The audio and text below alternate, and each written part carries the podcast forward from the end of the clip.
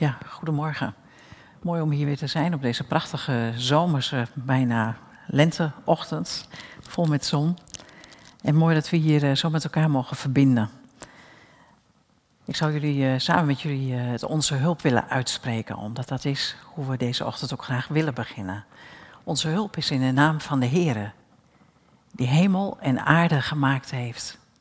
Hij die trouw houdt tot een eeuwigheid en die nooit zal laten varen het werk dat zijn hand in jou begonnen is. Genade zij jou, vrede, in de naam van onze God, zijn Zoon Jezus Christus, verbonden met de Heilige Geest. Amen. Ik heb eerst een vraag voor de kinderen eigenlijk, maar misschien zijn er ook wel ouderen die weten wat het antwoord daarop is. Ehm, wat is het enige wat vermenigvuldigt als je het gaat delen? Dus wat is het enige wat vermenigvuldigt als je het gaat delen? En dan zou ik graag twee stukken met jullie willen lezen. Ik kom er zo meteen nog wel op terug. En het eerste stuk is uit een psalm, psalm 89. En het tweede gedeelte, voor mensen die het al graag op willen zoeken, is uit Marcus, Marcus 1 vanaf vers 40. Psalm 89. Het is een eh, kunstig lied van de Esragiet Etan. Van uw liefde, Heer, wil ik eeuwig zingen. En van uw trouw wil ik getuigen, geslacht na geslacht. En ik beleid uw liefde houdt eeuwig stand. Uw trouw hebt u in de hemel gevestigd. En dan ga ik verder in vers 6. Heer, laat de hemel dit wonder prijzen. Laat de kring van hemelingen u loven om uw trouw. Want wie daarboven kan de Heere evenaren? Wie van de goden kan zich meten met God? Zeer geducht in de raad van hemelingen. Gevreesd bij iedereen die hem omringt. Heer God van de hemelse machten, Heer, wie is zo sterk als u? Trouw omhult u als een mantel, niet een kort jasje, maar als een mantel. U heerst over de hoogreizende zee. Verheffen zich haar golven, dan brengt u ze tot rust. U hebt Rahab, dat is Egypte, verpletterd en doorboord. En met een krachtige arm hebt u uw vijanden verstrooid. Van u is de hemel, maar ook de aarde. De wereld met alles wat daarin leeft. U hebt het gegrond. Het noorden, het zuiden, de Tabor en Hermon, of, oftewel het oosten en het westen, ze bejubelen uw naam. Uw arm verricht heldendaden. Krachtig is uw hand. Verheven uw rechterarm. En uw troon rust op recht en gerechtigheid. Liefde en waarheid staan in uw dienst. En het sleutelvers voor mij is dat eerste vers. Van uw liefde, Heer, wil ik eeuwig zingen. Van uw trouw wil ik getuigen, generatie na generatie. En ik wil beleiden, uw liefde houdt eeuwig stand. Uw trouw hebt u in de hemel gevestigd. En dan een uh, verhaal van de Heer Jezus in Marcus 1 vanaf vers 40. We moeten denk ik even schakelen. Dan zitten we nog in, met onze ziel zitten we nog in de grootheid en de trouw en de liefde van de Heer. En dit is het moment dat we meegaan met de Heer Jezus, die aan het wandelen is door Galilea. En mensen aan het genezen is. En op een gegeven moment ontstaat deze situatie. Er was een melaatse die kwam tot hem. En die viel voor hem op de knieën.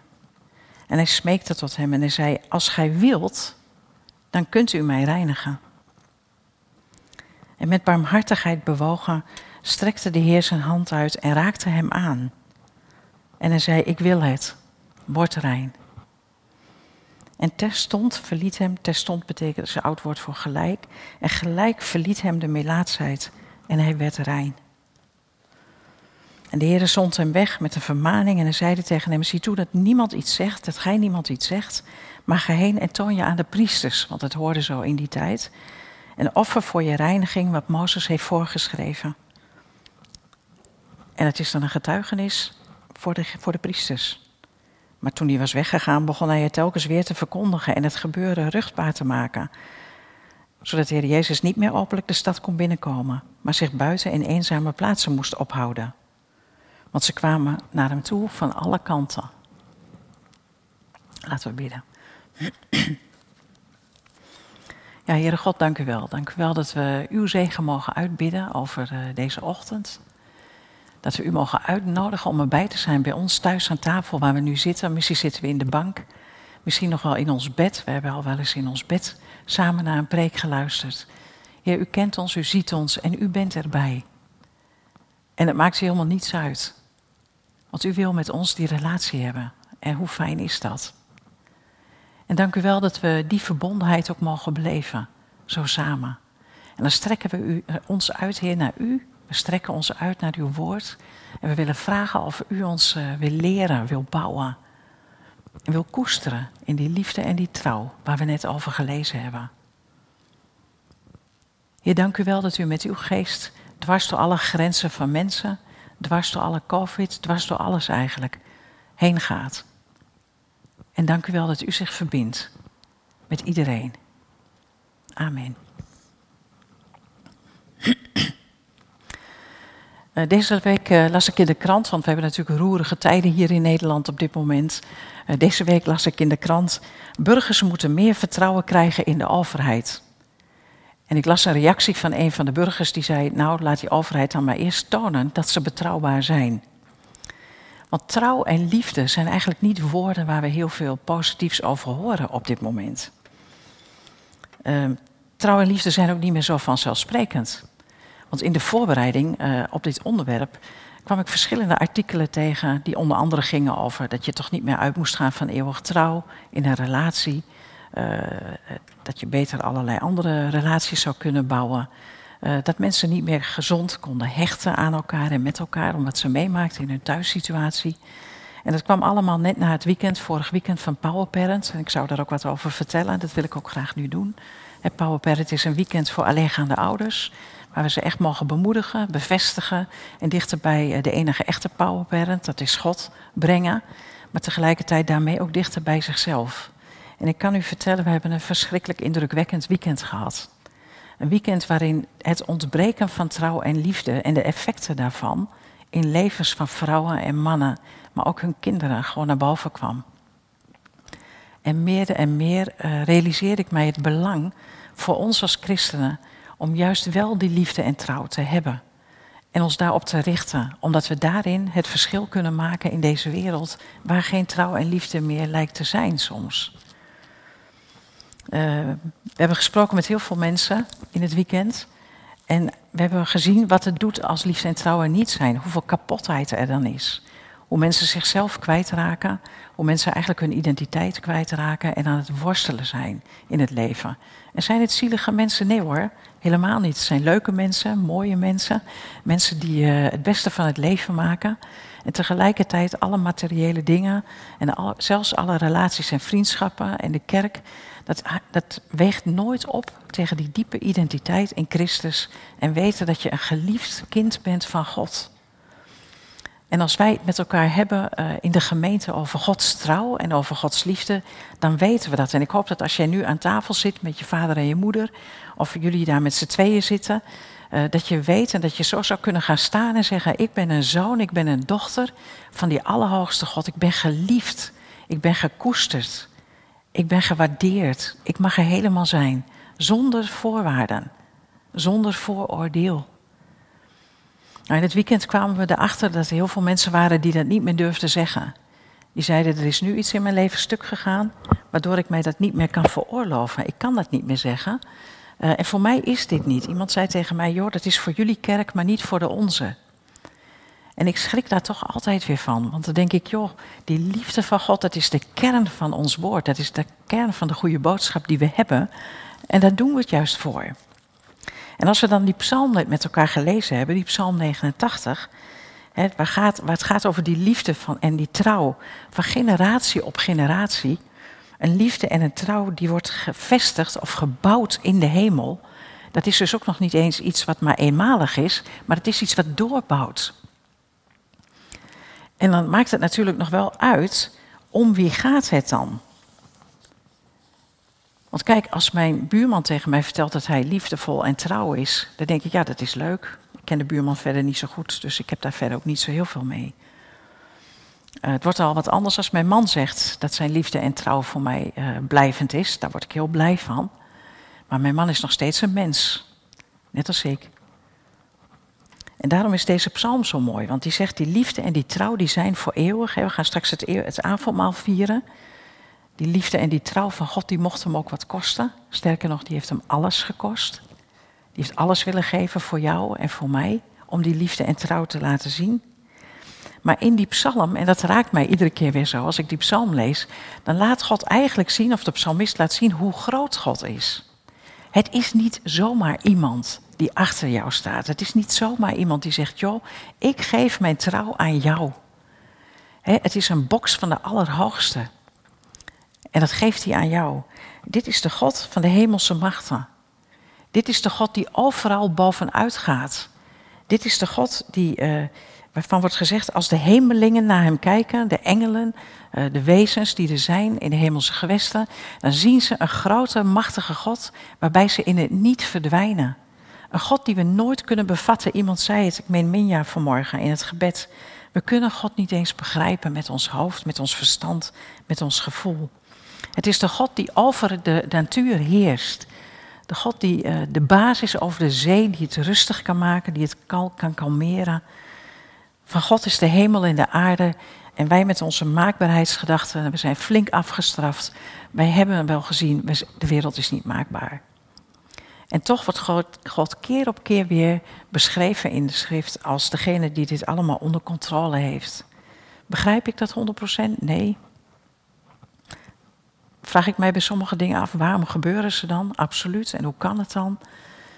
Maar wat meer belangrijk is, iedere keer, en dat zien we bij die psalmist ook, ook aan het eind van de psalm, want het is een beetje een rare psalm. Normaal begint het altijd met verdriet en daarna wordt het leuk. En dan is er redding. Uh, maar hier is de psalmist net andersom bezig. Die begint met een heel mooi verhaal en daarna zegt hij, ja, maar het is toch allemaal wel knap lastig. En er gebeuren ons ook wel allemaal dingen die we eigenlijk niet hadden gewild. Waar bent u nou, God? Waar blijft u nou? En je kunt je voorstellen dat wij dat ook zo nu en dan hebben. En toch wordt er gezegd, ja, en toch is het die God, die God, die heldendaden verricht met zijn krachtige hand, met zijn rechterarm. Joh, geloof je daar nog in? Durf je dat nog te pakken? Durf je daarin te koesteren, in zo'n douche van warmte, van liefde, van kracht? En te weten dat deze God met zijn machtige rechterhand trouw aan jou is en jouw liefde wil vertonen en betonen. En als er dan van alles en nog wat misgaat, uh, dan zegt de Heere God in vers 34: Mijn liefde zal ik jou nooit afnemen en mijn trouw zal ik nooit verbreken. Dus wat je ook uitspookt in je leven, wat je ook gedaan hebt, wat je gedacht hebt, waar je ook ontrouw geweest bent aan God, waar je die liefde aan de wilg hebt gehangen, waar je hebt gedacht van God, laat maar even, geef mijn portie maar aan Vicky. Zij ooit is iemand die kerkelijk een belangrijke rol had. Dan zegt God, maar ik zal mijn liefde van jou niet afnemen en mijn trouw zal ik niet verbreken. Die God staat achter jou en mij. Dat is de God die jouw identiteit geeft, die staat als een huis. Als je durft te pakken. Als wij het hebben over liefde en trouw, dan denken we wel eens van ja, nou, die liefde en trouw, dat is mooi, maar het moet allemaal niet te lastig worden. Want als het lastig wordt of te gecompliceerd, dan gaan we bij elkaar weg als het lastig wordt in de kerk, dan zoek je een andere kerk. Als het uh, lastig wordt met je partner, doe je hetzelfde. En we zien heel vaak dat we wegstappen bij als het ingewikkeld wordt. Wat de Heer Jezus laat zien is eigenlijk precies het tegenovergestelde. En daarom vind ik dat uh, verhaal zo prachtig mooi erop aansluiten. Ook al lijkt het misschien niks met elkaar te maken te hebben. Want wat daar gebeurt is eigenlijk allemaal tegen de regels. Uh, Melaatse mensen mochten helemaal niet in de stad komen. Die moesten er buiten blijven. Was veel te link, waren hartstikke besmettelijk. Dus uh, niet bij in de buurt komen. En ze mochten ook niet bij jou in de buurt komen. Sterker nog, ze hadden een akelig rateltje en dan moesten ze daarmee lopen. En dan moesten ze lawaai maken. Niet een, voet, een soort voetbalratel, maar dan vertellen dat jij in de buurt kwam en dat iedereen voor jou uit moest kijken. En wij hebben dat nu een beetje met mondkapjes, hè, doen een beetje hetzelfde eigenlijk. Maar het was natuurlijk heel vernederend, want je wist gewoon, je werd niet genezen, die kans was minimaal. En voor de rest van je leven zat je daaraan vast. Maar deze man die geloofde in Jezus. Die geloofde in ieder geval dat Jezus hem kon genezen. En die gaat dwars tegen alle regelgeving in. En dat, nou, dat mocht echt niet. Gaat hij gewoon naar Jezus toe en dan valt hij op zijn knieën. En dan zegt hij, als u het zou willen, dat is het enige waar hij aan twijfelt. Als u het zou willen, dan zou u mij rein kunnen maken. Ehm, bij Jezus, of in ieder geval bij zijn omgeving, moet ook heel veel gebeurd zijn. Want allereerst, die man mocht daar niet zitten. Die mocht niet aan de knieën vallen van Jezus. Wat hij zei was, nou ja, dat was dan wel zo. Hè, dat zou misschien kunnen, dat de Heer hem zou kunnen genezen. Maar de Heer mocht natuurlijk absoluut niet hem aanraken. Die moest op veilige afstand blijven. Die had op dat moment moeten zeggen: Oké, eh, ik hoor wat je zegt. Kan ik nog verder? Nou, ongeveer hier. Uh, ik hoor wat je zegt. En misschien had hij me een soort zegen op afstand kunnen geven. En dan, uh, maar dat doet de Heer Jezus niet. En dat raakt me. Dat raakt me. Ik denk dat de mensen om hem heen hebben gedacht van... oh jongens, wat doet hij nou? Wat doet hij nou? Daar heeft hij weer niet over nagedacht. Het is echt weer zo'n Jezus dingetje. Want, je, want die zien gewoon, ik zie het bijna in slow motion vorm... die zien gewoon die hand van de Heer Jezus naar die man toe gaan. Waarom? Hij is met barmhartigheid bewogen. Die liefde, die trouw van God, die voelt hij voor die man. En hij maakt een keuze tegen alle regels in. Tegen alle wetten ook in. Tegen ook alle religieuze wetten in. En hij gaat naar die man toe en hij raakt hem aan. Ik vind dat zo kostbaar, joh. Want hij ziet die man en hij ziet wat hij nodig heeft. En ja, hij heeft natuurlijk, het is belangrijk dat hij fysiek genezen wordt. Daar strekt die man zich ook naar uit. Maar wie heeft die man nog aangeraakt de afgelopen tig jaar? Niemand. Niemand. En dat doet de Heer Jezus. Die liefde en die trouw van de Heer Jezus, die mag hem wat kosten. En hij raakt hem aan en die man geneest. Het verschil maken. Als je trouw en liefde uh, hebt in jezelf en trouw en liefde mag krijgen van de Heere God, dan ga je het verschil maken in je leven, in het leven van anderen. En dan worden overtredingen niet overtredingen omdat je zo graag iets wil overtreden, maar dan overtreed je misschien wel dingen vanuit passie en vanuit compassie. En dan is het best wel spannend hoe het dan afloopt. Met Power Parent hebben we gebeden met heel veel mensen. En we hebben het er echt over gehad. Moeten we nou op afstand blijven staan? En we hebben nog een tafel ertussen gezet. Maar in de praktijk, als daar een stukje compassie en liefde komt. Ja, je begint te lachen, Minja. Maar als er een stukje compassie en liefde komt, dan kan je niet op afstand blijven staan. En lieve mensen, dat geloof ik dat wij daarvoor geroepen zijn als christenen. Om niet op afstand te blijven staan. Maar om uh, dicht bij de mensen te komen. En het hoeft niet altijd fysiek te zijn, maar dicht bij de mensen te komen bij wat zij nodig hebben. En waar hun behoefte ligt. Om een stukje van die liefde en een stukje van die trouw van de Heere God te laten zien aan onze omgeving. Liefde en trouw. Liefde en trouw die je misschien zelf niet hebt. Liefde en trouw waarvan je denkt van ja, dat zou ik wel willen, maar ik vind het wel heel spannend. Ik ben nog zo met mezelf bezig. Nou, dat geeft helemaal niks. De discipelen van de Heer Jezus waren ook maar steeds met zichzelf bezig. En de Heer Jezus blijft ze gewoon lief hebben en blijft gewoon trouw. En het gaat zo ver, hè? Want als we zo meteen het avondmaal gaan vieren en denken aan die laatste avond, dat de Heer Jezus het brood breekt, dan is het wel een avond waar ook Judas nog zit, hè? Waar Judas gewoon aanwezig is. Het is een avond waarin hij ook zijn liefde en trouw nog bewijst aan Judas. En op een gegeven moment ook tegen Judas zegt, na het avondmaal, van joh, moest jij niet nog wat doen? Had jij niet nog een boodschapje? Dan denk ik, wat een respect, wat een respect.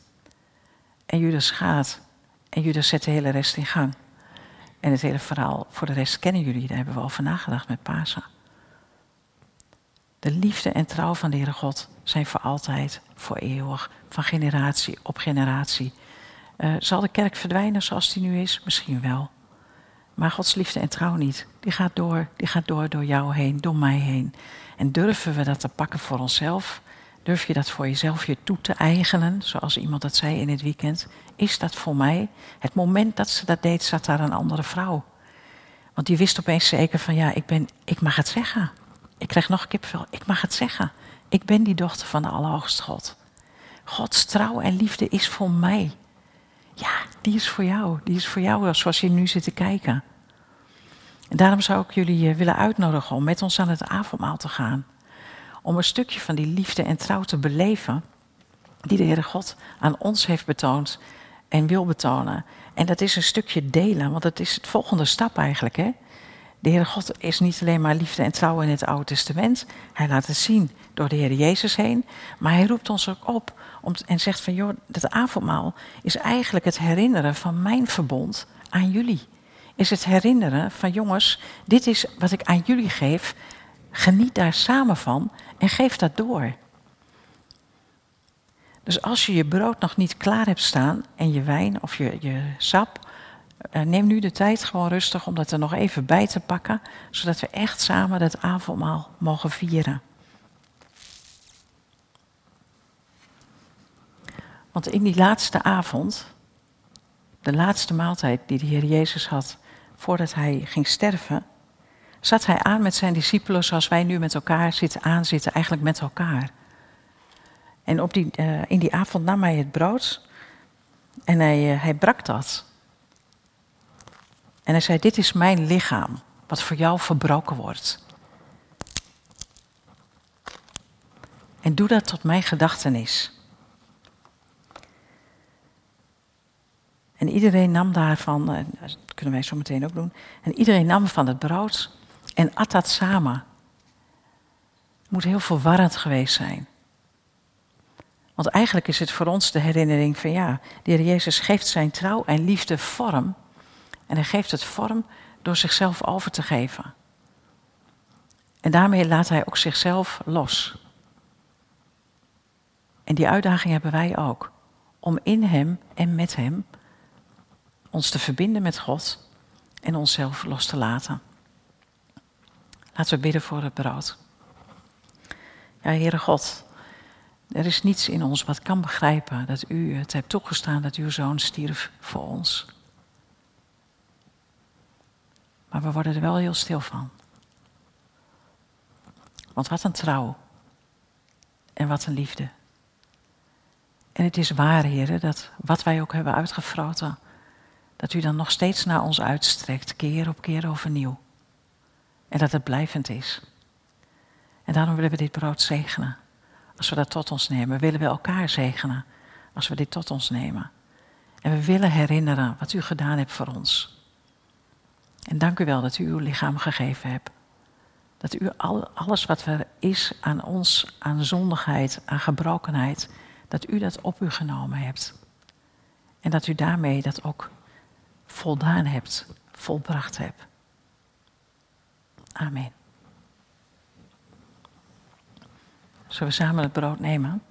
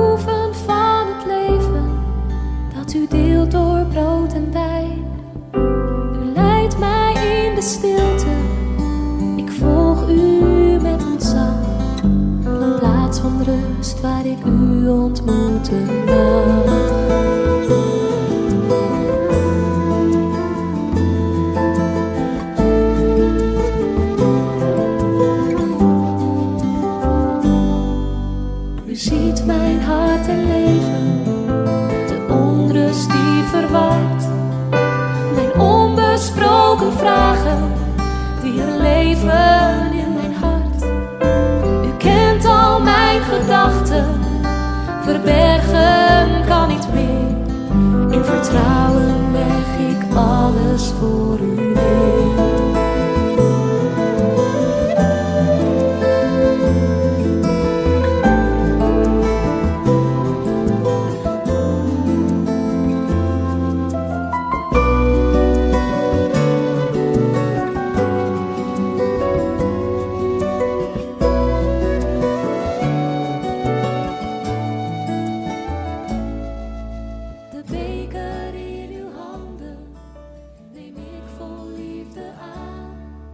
heeft Heer Jezus ook eh, zijn bloed gegeven voor ons.